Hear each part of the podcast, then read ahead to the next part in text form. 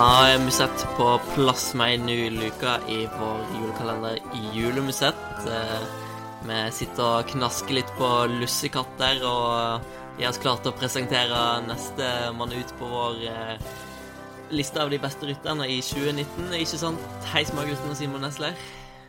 Yes, yes, yes. Lussekatter er min favoritt, uh, favorittbakverk, faktisk.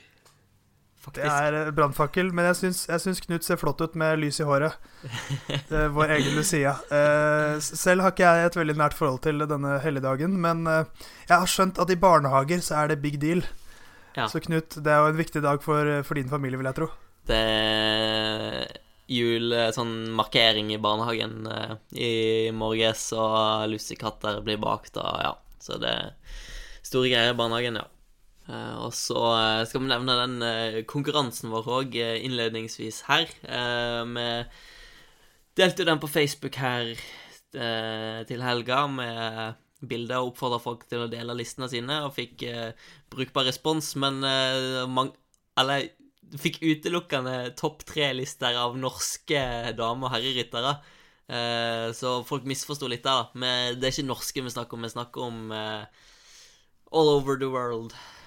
Så Men det er jo, det er jo for så vidt go godkjente er bidrag, godkjent så de er med i trekningen, de også. Men det er lov å, å, å benytte seg av internasjonale navn også. Så eh, prøv, prøv på den i stedet. Så, eh, men uansett er det med i trekningen, og så skal vi åpne en ny luke nå.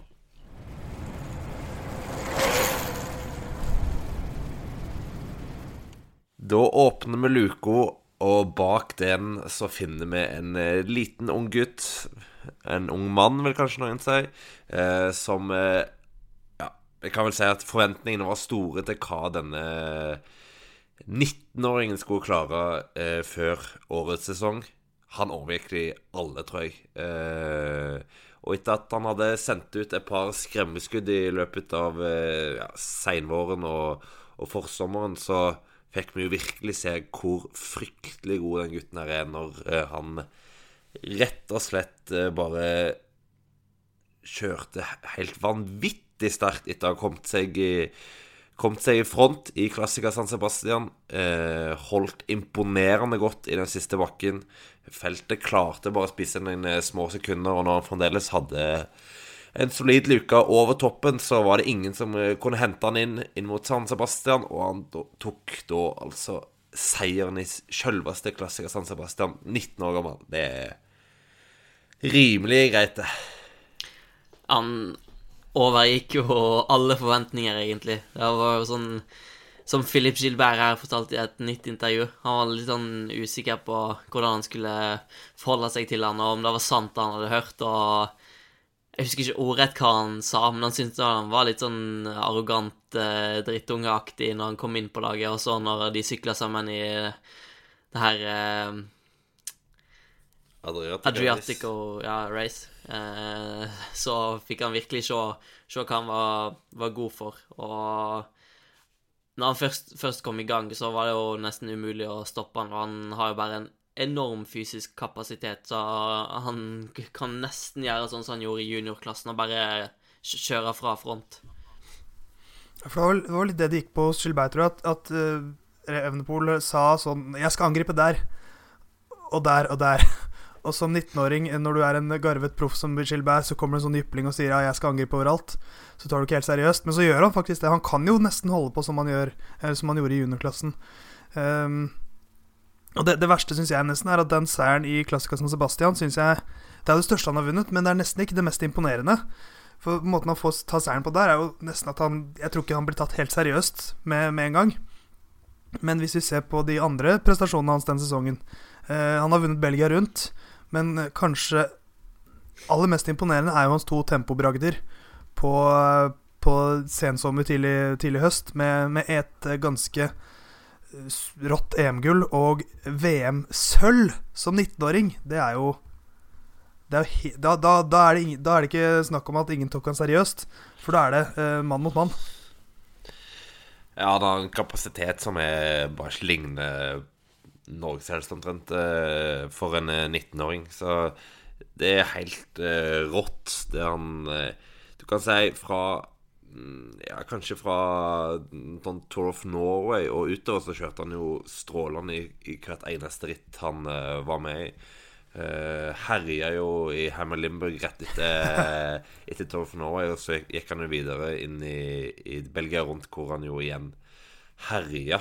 Uh, og uh, Nei, generelt en fryktelig god uh, sesong for en førsteårs senior. og ja, vi forventa jo kanskje at han skulle kanskje bli sånn ja, topp ti i et eller annet uh, World Tour-ritt. I eksempel i Guangxi eller i Tyrkia, sånn som han ble. Der ble han nummer fire. Men at han skulle gjøre det så godt, det tror jeg egentlig ingen hadde forventa, for, å være helt ærlig. Ja, det var Altså Sånn som i EM. Altså, altså, Der var det helt flatt, det var masse vind. Og Evenepool han er liten, han er veldig lett, og de folkene han slår, er sånne høyreiste rullører, liksom. Så det er utrolig fascinerende, og, og den fysiske kapasiteten hans er utenomjordisk. Ja, må vi, vi må også litt tilbake til hans første seier i år, i Belgia rundt, som er hans første proffseier. Et av årets øyeblikk for meg også, hvor han på den andre etappen går i brudd sammen med Viktor Kampenertz. Kampenertz er ingen hvem som helst. Han er europamester på tempo. Han har, han har timesrekorden på, på, på, bane. utrolig, utrolig kjøresterk rytter. Kampenertz velter jo ut av, av den etappen, men sa etter målgang at han hadde ikke klart å følge Evenepool uansett. For det, det var, var, en av hans verste opplevelser å prøve å følge en 19-åring. Han, han, han, holdt på å miste hjulet, rett og slett. Så og når du, kjører, når du er i ferd med å kjøre Victor Campenats av hjul, da har du noe spesielt når du er 19 år gammel. Ja, absolutt. Og du ser jo Du snakket jo Theis om at sånn som i San Sebastian så var det ble han kanskje litt undervurdert. Men en så jo da tydelig tegn på at han ikke ble undervurdert etter det. For en så i, i Tyskland-tour hvor han Deutschland-tour hvor han hvor han eh, var i et eh, lite brudd, så var det jo fem-seks mann som eh, bare gikk opp med en gang og sa at han aldri fikk mer enn halvannet minutt. Og de sleit jo med å holde det bare på det.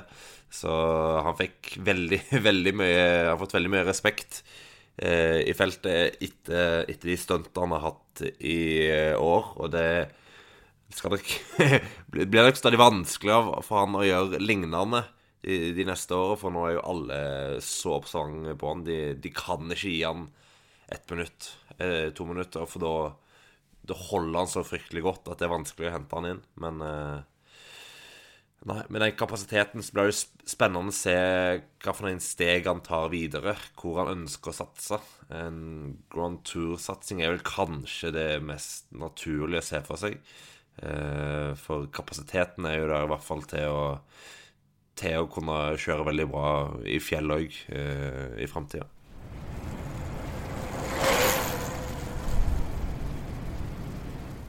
Da var ei ny luke åpna, og eh, vi håper du vil òg, eh, i tillegg til å høre på denne podkasten, delta i vår konkurranse. Der du kan vinne ei Bioracer Tempest sykkeltrøye til verdi av 1600 kroner. Eh, du deltar ved å dele de topp tre-lista av kvinner og menn i 2019. De beste internasjonale sykkelrytterne i 2019, altså. Og del den gjerne med oss på Facebook i kommentarfelt til procycling.no. Eller på Twitter eller mail post at procycling.no, så er du med i trekninga. Så vi er tilbake med ei ny uke i morgen.